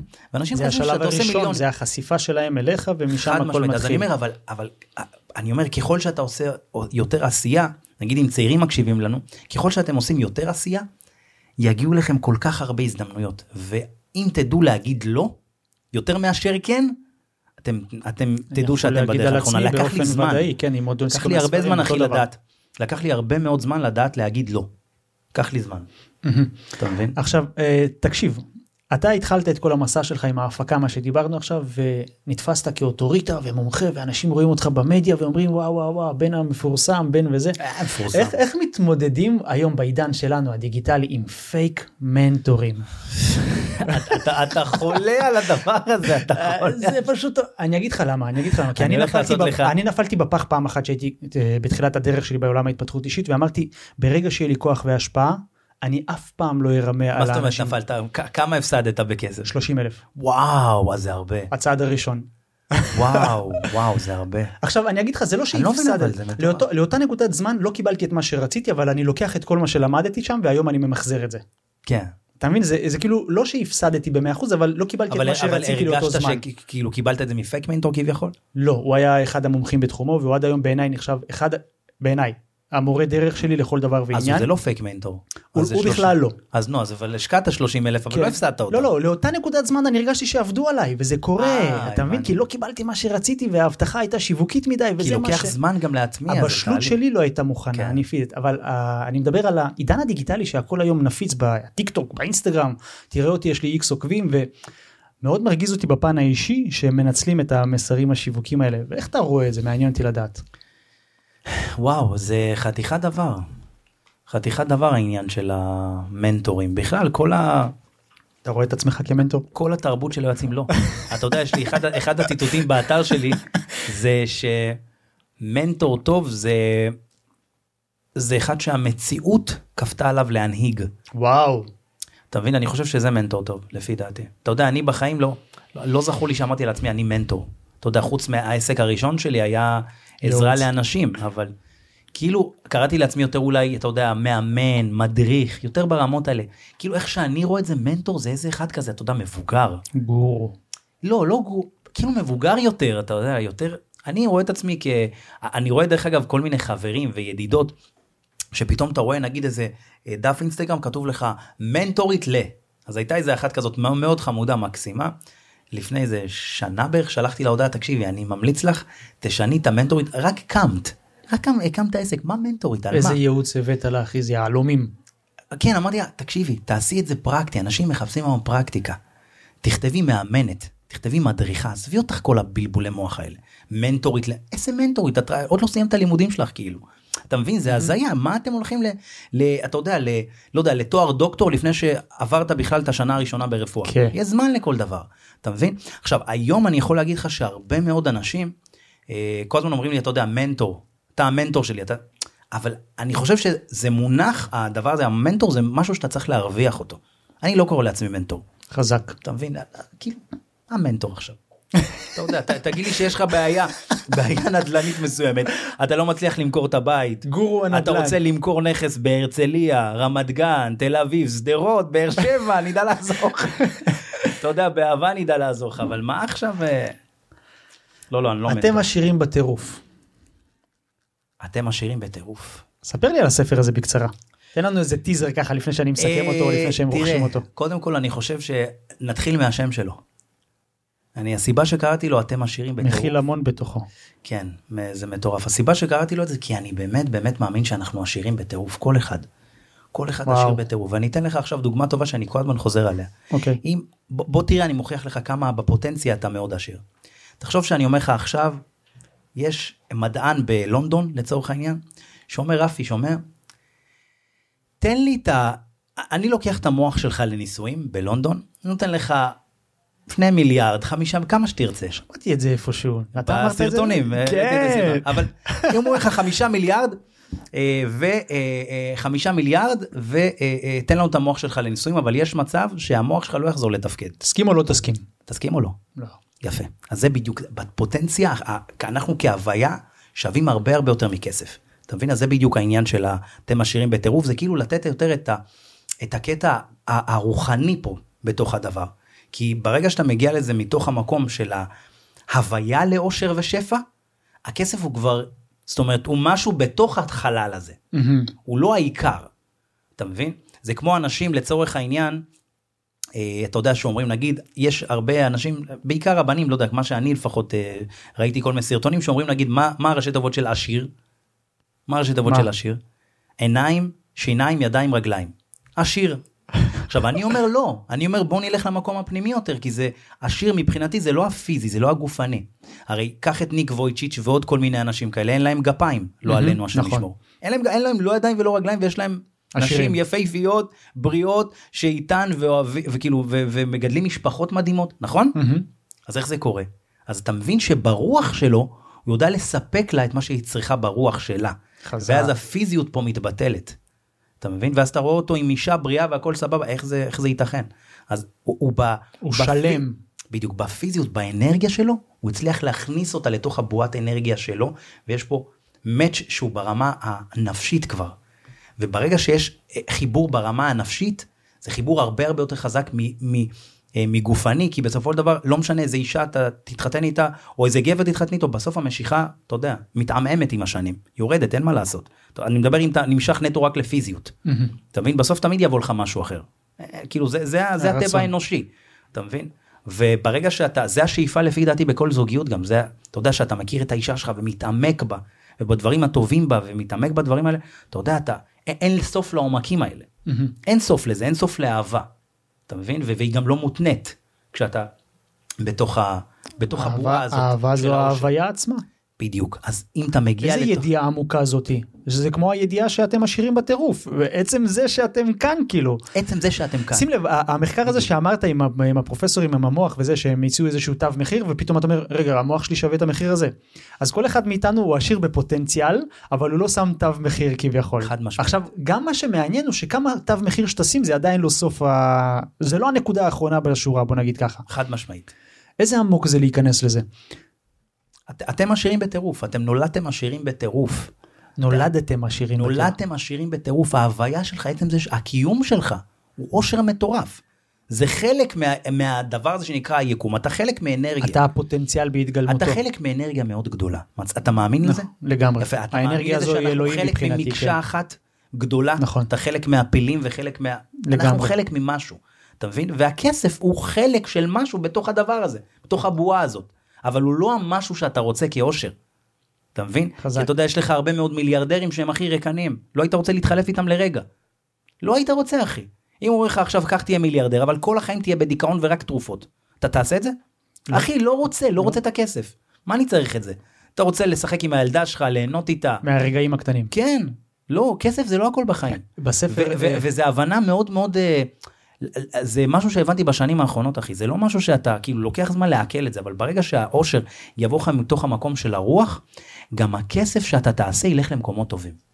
מה שנקרא, אתה יודע, כמו שאומרים, אם תעבוד בשבת, אין, אין בחל הכסף. כאילו, אמרת עכשיו משהו מאוד מעניין ובספר אה, לפצח את קוד העושר הוא גם מדבר על הרוחניות בנושא הזה זה החבר'ה שכתבו את הספר מיליונר ברגע הוא אומר משהו כזה אני עשיר ובכסף שלי אני קונה לי זיכרונות עם הילדים. זאת אומרת אני יוצא לחופשות לא כדי להתבטל או להגיד סטורי וכאלה אני יוצא וקונה לי זיכרונות עם המשפחה והילדים. תחשוב איזה mindset הפוך על הפוך זה ממה שמקובל בעצם. הוא נותן לכסף שלו להיות המקום לקנות לעצמו חוויות וזיכרונות. שאתה יודע שהילדים שלנו ילדים פעם אחת בחיים נכון. זה אחד הדברים העמוקים להבין את זה. אז מה בעצם מסתתר בתוך הספר? אתה יכול לפתוח, לעיין בו ככה קצת, ולהגיד לי איזה פרק בא לך שאני אה, אסביר לך יותר. לעומק. יש לך פה ת- תוכן עניינים, אתה יכול אה, להסתכל פה. אתה תזכור אם אני אגיד? אה, תגיד לי מה שאתה רוצה ואני אדע. לימוד יומיומי. זה מה שמעניין אותך? כן, לא, לא, זה. מה שתפס לי לימוד- את העין לימוד עכשיו. יומיומי זה פשוט באמת כמו הכותרת, זה פשוט, אה, אתה יודע, לעשות הכל אה, בשביל לקום בבוקר ולשאול את עצמי מה אני הולך ללמוד היום, וכשאני הולך את לישון? לשאול את עצמי אה, איזה דברים למדתי היום, דבר חדש, מאוד מאוד חשוב כל הזמן לחדש וכל הזמן ללמוד, כי המוח שלנו, המוח שלנו הוא מכונה לומדת.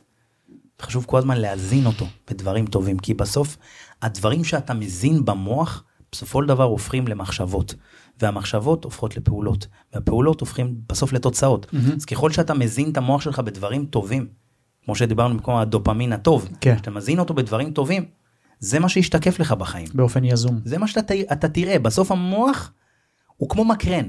לגמרי. אתה שם לו שקופית, אתה הולך להרצאה, שם שקופית, תבין, הוא, הוא מדבר בשקופיות, וככל שהשקופיות שלך יהיו יותר איכותיות, ככה תראה יותר. אתה יודע איזה ניסוי עשיתי עם עצמי בחיים. לאחרונה?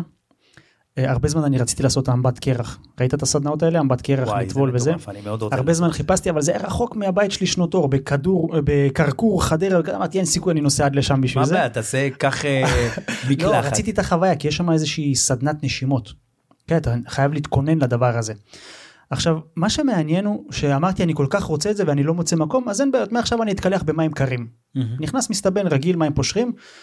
חמש דקות אחרונות מים פול גז קור ואתה אתה מרגיש את הקור בין הקיץ לבין החורף קור שונה כן. אחי.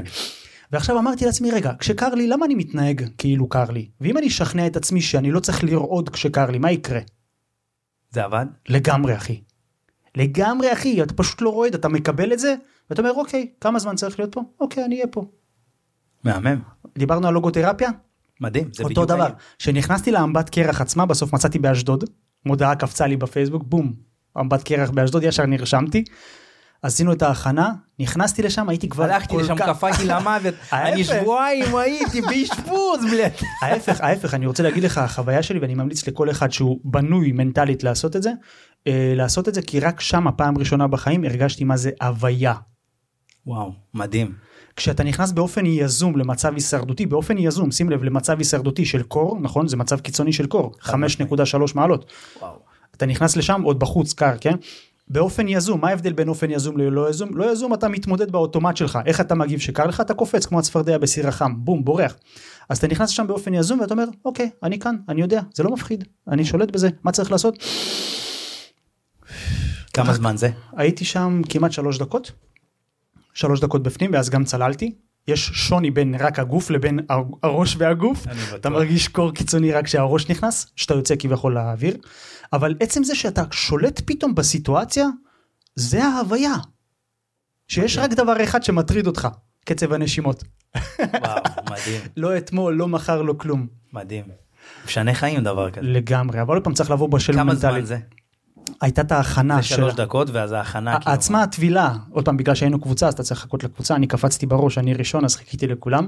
הסדנת נשימות, מדיטציה, דמיון מודרך, מדיטציה שמאנית, היה שם קער- קערות טיבטיות, גיטרות, חוויה הכי לפנים, בוא נגיד שלוש שעות כל זה. וואו. כן. וכמה זמן זה, כמה כסף זה עלה? אה, זה ספציפית 250, מהמם, שווה. לגמרי. כמה אנשים היו שם? היינו עשרה או שמונה משהו כזה, קבוצות קטנות, אז אינטימיות. באשדוד יש את זה. כן. אתה רוצה? אני מזמין אז אותך. חברים דרומים, אה, עשית את זה מאז עוד פעם? אני? מתכנן ללכת סוף שבוע הזה.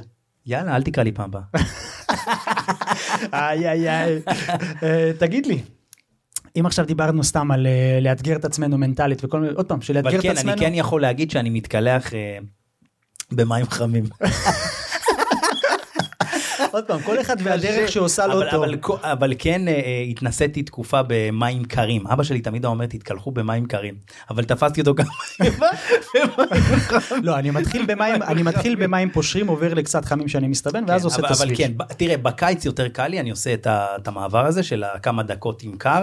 עוד פעם, אנחנו לוקחים את הנוסחה הזו של. לאתגר את עצמנו מנטלית, זה אותו דבר כמו אבל הנוסחה, אבל אני כן מבטיח אה, להתנסות בזה, וכן, אנחנו נצלם את זה. זה...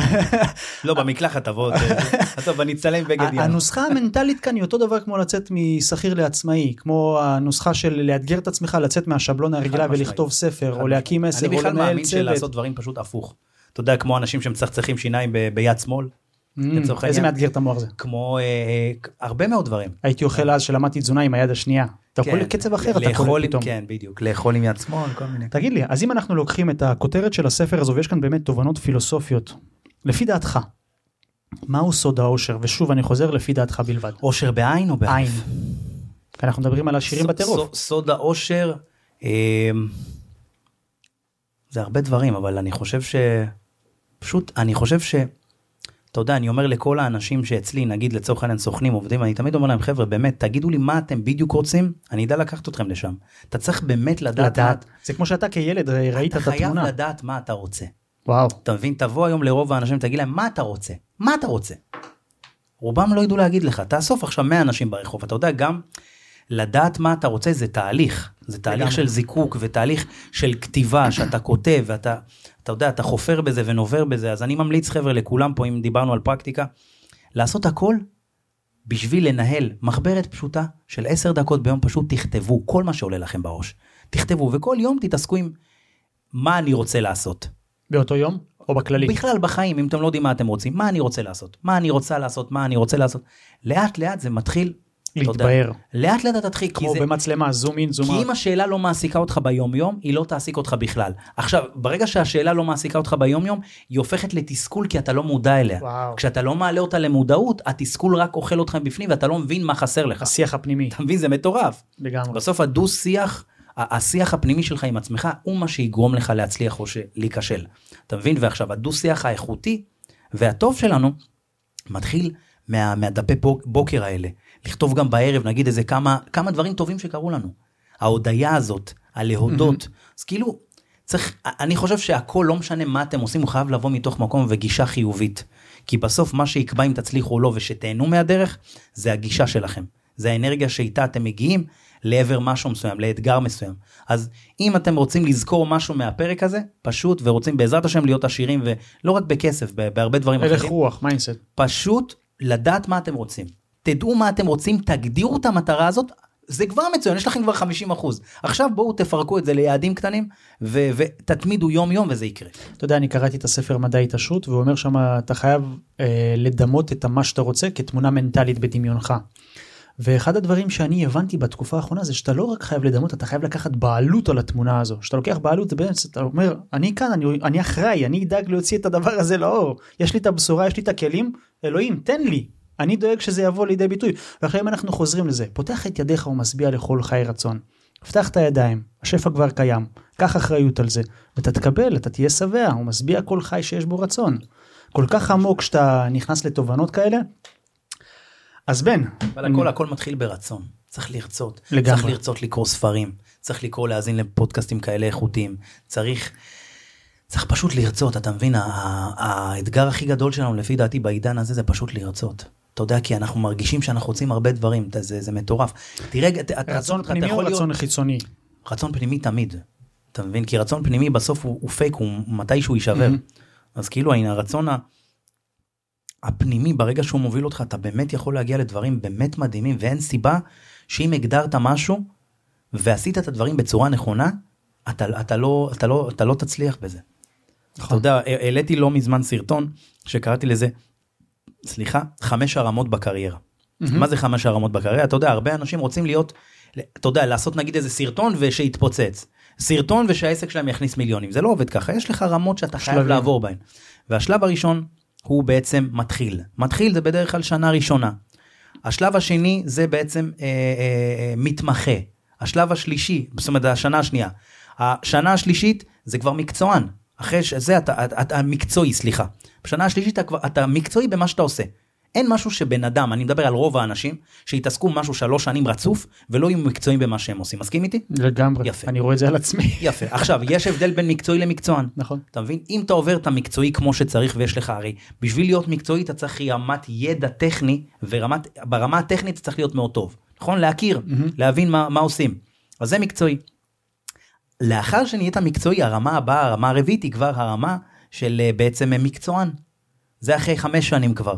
יש לך הפרש של שנתיים בין הזה, אתה מבין? עכשיו בזמן הזה של השנתיים אתה לומד, לצורך העניין אם זה עסק, אתה לומד כבר שיווק יותר טוב, אתה לומד הרבה מאוד דברים שגורמים לך להבין איך העסק אמור להכניס כסף, כי כבר עברת שלוש שנים, המסלולים. קיבלת כבר את כל הקביעות, אתה כבר עובר לרמה של מקצוען אם עברת טוב את המקצועי, יש לך כבר תשתית להרוויח כסף, להרוויח יותר כסף. אחרי המקצוען יש לך את השלב הבא שהוא חמש שנים לאחר מכן, וזה הווירטואוז. הווירטואוז זה כבר רמה אחרת, אחרי שעשית את כל השלבים האלה, אבל אין לחתוך. אתה יודע, היום בתרבות לא לוותר על שלבים. רוצים עכשיו, עכשיו, עכשיו רוצה להגיע לווירטואוז, אין וירטואוז. שים לב, כל אלה שמגיעים לאח הגדול, מה הם מנסים לעשות? הם מנסים לקצר את הדרך שלהם, רובם. הרוב המוחלט מנסים לקצר את הדרך אחר. עכשיו, יש כאלה שכן מצליח להם, אני לא אגיד שלא. אבל שים לב, גם אלה שמצליח להם בדרך כלל, אני אומר, ונשארים בתודעה הרבה זמן, הם אנשים שעבדו על הנפש שלהם בצורה מאוד טובה. נכון, הכינו אותה רובם- כהערת שפע. אחי, רובם, רוב אלה שיוצאים מהאח הגדול, אחי, זה אנשים שאתה יודע, הם. זה, זה בעיות פסיכולוגיות מאוד מאוד גדולות, אתה יודע, שכל המדינה זה, פתאום עוצרים אותך, זה, זה יכול, אתה יודע, לשבש אותך. ואתה רואה מה הם אומרים. כל כן, ה... קוטי מדבר על זה המון. זה מטורף, זה משהו שיכול, כל, ה- כל הריאליטי. הריאליטי מה מנסה לעשות? לקצר את הדרך. אבל הטבע אומר לא, לא, לא, לא, אתה לא תקצר את הדרך. שים לב, מי שהצליח לדוגמה עכשיו בתוכניות ריאליטי, נגיד קח את הראל סקאט, מהמם. 20 שנה בטופ, נכון? שומעים עליו, הוא מוציא שירים, ממלא אולמות, הוא 20 שנה כבר למעלה. אבל אם תיקח את הראל סקאט 10 שנים לפני שהוא הגיע, הבן אדם למד פיתוח קול, נכון, למד. בבית צבי, למד, כאילו אתה רואה. שהייתה הייתה פה תשתית. הייתה פה תשתית מאוד מאוד חזקה, קח את שירי מימון, הייתה בלהקה, אה, ב... אה, אתה יודע, הרבה מהם להקות צבאיות, או, אה, או באילת עבדו בכל מיני, אתה יודע, עבודות של בתי מלון, זאת אומרת, הם הכינו את עצמם והיו מוכנים שנים, קח את שלום אסייג, שנים הם הופיעו באילת. כן. אתה מבין? אז כשאתה מגיע עם תשתית יותר קל לך לעשות את הזה, אבל אין דבר כזה להתחיל שנה ראשונה ולהיות וירטואוז. אין דבר כזה. וגם אם קיים, איכשהו הטבע נתן לך זה, אחי, תתחיל להכין את הפסיכולוגים וכסף לפסיכולוגים, כי זה לא טבעי. יש למ- פה תהליך שאתה חייב לעבור אותו. אני יכול למצוא את עצמי בחמש שלבים האלה שאמרת, בכל מה שקשור ליצירת סרטונים. כשאני צילמתי את הסרטון הראשון זה בעקבות אה, אה, הסדנת הסינדול של אריאל אברבוך. צילמתי את הסרטון הראשון ואמרתי אחלה מה. שיהיה יהיה כן לגמרי אני מעריך אותו מאוד יצאתי מהאימונים הייתי מאמן כושר אז שמתי את הטלפון על שולחן כזה עם ספסל שמתי אותו מאחורי הכוס קפה והחזיק, אמרתי טוב חברים אני מוציא את הסרטון זה סינדול חייב זהו ומכאן אתם תראו ממני טיפים דיברתי על תזונה סיגריות כאילו להפסיק לעשן וכאלה. אז לא ידעתי לדבר קראתי prompter וקראתי כל מיני דברים כאלה אבל לקחתי על עצמי את המחויבות היומיומית הזו לעשות modeling לאנשים שהם עבורי השראה לאיך הם מעבירים את הסיפור בסרטון. היום אני יכול להגיד לך שאני קורא לעצמי MC. MC במובן ש, שאני מדבר בסרטון, אני כן יהיה לי נקודות מה אני רוצה להגיד אבל אני יודע לבנות את הסיפור תוך כדי הסרטון מה חשוב מה לא חשוב ובסדנת קרח לצורך העניין אתן לך את הדוגמה הוא אומר לי רפאל בא לך לתות לי לעשות לי איזושהי עדות משהו סרטון המלצה אמרתי לו כן מה אתה רוצה שאני אמכור לך. הוא אומר לי מה זאת אומרת? דבר את החוויה שלך. אני עושה לא מה הרעיון שאתה רוצה שאני אמכור? הוא אומר תגידי מה שאתה מרגיש. אמרתי אוקיי אמרתי לו תן לי שנייה אחת חשבתי חשבתי חשבתי עשיתי שם פרזנטציה של דקה אחת הוא הסתכל עליי ככה אומר איך עשית את זה? אני אומר, מה זאת אומרת, אני עושה את זה למחייתי. אתה מבין, כאילו, מהנקודה שבה אני, את הסרטון הראשון שלי היום אני לא יכול לראות. לפני כמה שנים? ב-2016. וואו, אתה מבין כמה שנים זה? שנה שלמה. ב-2016 אריאל אברבוך הגיע למשרד שלי לראיין אותי לפודקאסט שלו. אני ראיתי את זה. אתה יודע שהייתי הולך לישון עם הפודקאסט הזה, הייתי רואה את כולכם והייתי אומר, איך בא לי. ולא ידעתי איך לצאת, לא ידעתי איך להוציא לאור. קטע, הוא הגיע אליי לבאר שבע. שנה שלמה, תקשיב טוב, שנה שלמה הייתי מצלם סרטונים ולא פרסמתי אותם מעולם. ב-2016 היה את הסינדול? לא, הוא הגיע קצת אחרי. כן, זה היה... אני התחלתי את הסרטון הראשון, כאילו עוד פעם, אחרי, הסינדול לא? הביא לי בעיטה אחרי זה, בטוסי קצת, כן. אבל עוד פעם, לקחתי לעצמי את המחויבות ללמוד את זה, וכל אחד יכול לקחת את זה למקום אחר. אריאל הוא מסוג המנטורים התותחים. אני מעריך אותו, עברתי. אצלו את המעגל העסקי השני. הוא אחד החזקים. אז בן, ידידי היקר, היה לי העונג לארח אותך. איפה אפשר לרכוש את הספר הזה? בוא אה, ספר לנו. הספר אפשר לרכוש אותו באתר שלי, אתם פשוט יכולים לכתוב אתם עשירים בטירוף אני בן אשים את סולומון. הקישור גם, כן, גם כאן בדיוק, בתיאור בדיוק, למטה. בפודקאסט, בספוטיפיי וגם ביוטיוב. בדיוק, אתם מגיעים לאתר שלי, רוכשים אותו באתר כרגע. בעתיד הקרוב הוא אמור להיות גם ברשתות הספרים. אוקיי, אה, וזהו, מי שיגיע דרך הפודקאסט שלך, פשוט יכתוב לנו ואנחנו ניתן לו, ניתן לו הנחה יפה. שמעתם חברים? ניתן לו הנחה יפה. ודבר נוסף, איך אפשר לעקוב אחריך ברשתות החברתיות, אה, כל הדברים האלה? פשוט להיכנס לפייסבוק שלי ומשם אפשר, אה, באמת יש לי את כל הרשתות, אה, איפה, איפה שנוח לכם לראות אותי. טיק טוק, יוטיוב, ממליץ באמת לעקוב ביוטיוב, שם תכנים מדהימים. אז גם את הקישור שלו גם אני אשים. נדל"ן, גם כל העניין של ההתפתחות האישית שאני עכשיו הולך להשקיע בזה יותר. את הקישור אני רואה שלו, שזה אתה- משהו תביא לי, אני שמאוד אשים מאוד. מעניין אנשים, חוץ. מנדל"ן. וזהו, היה לי מה זה כיף. תודה ואני רבה מאחל לך לך באמת. המון המון בהצלחה. תודה רבה לך. אה, והיה לי כיף. והיה אדיר. יאללה, אני מקווה שהיה טוב. היה מצוין. יאללה, זה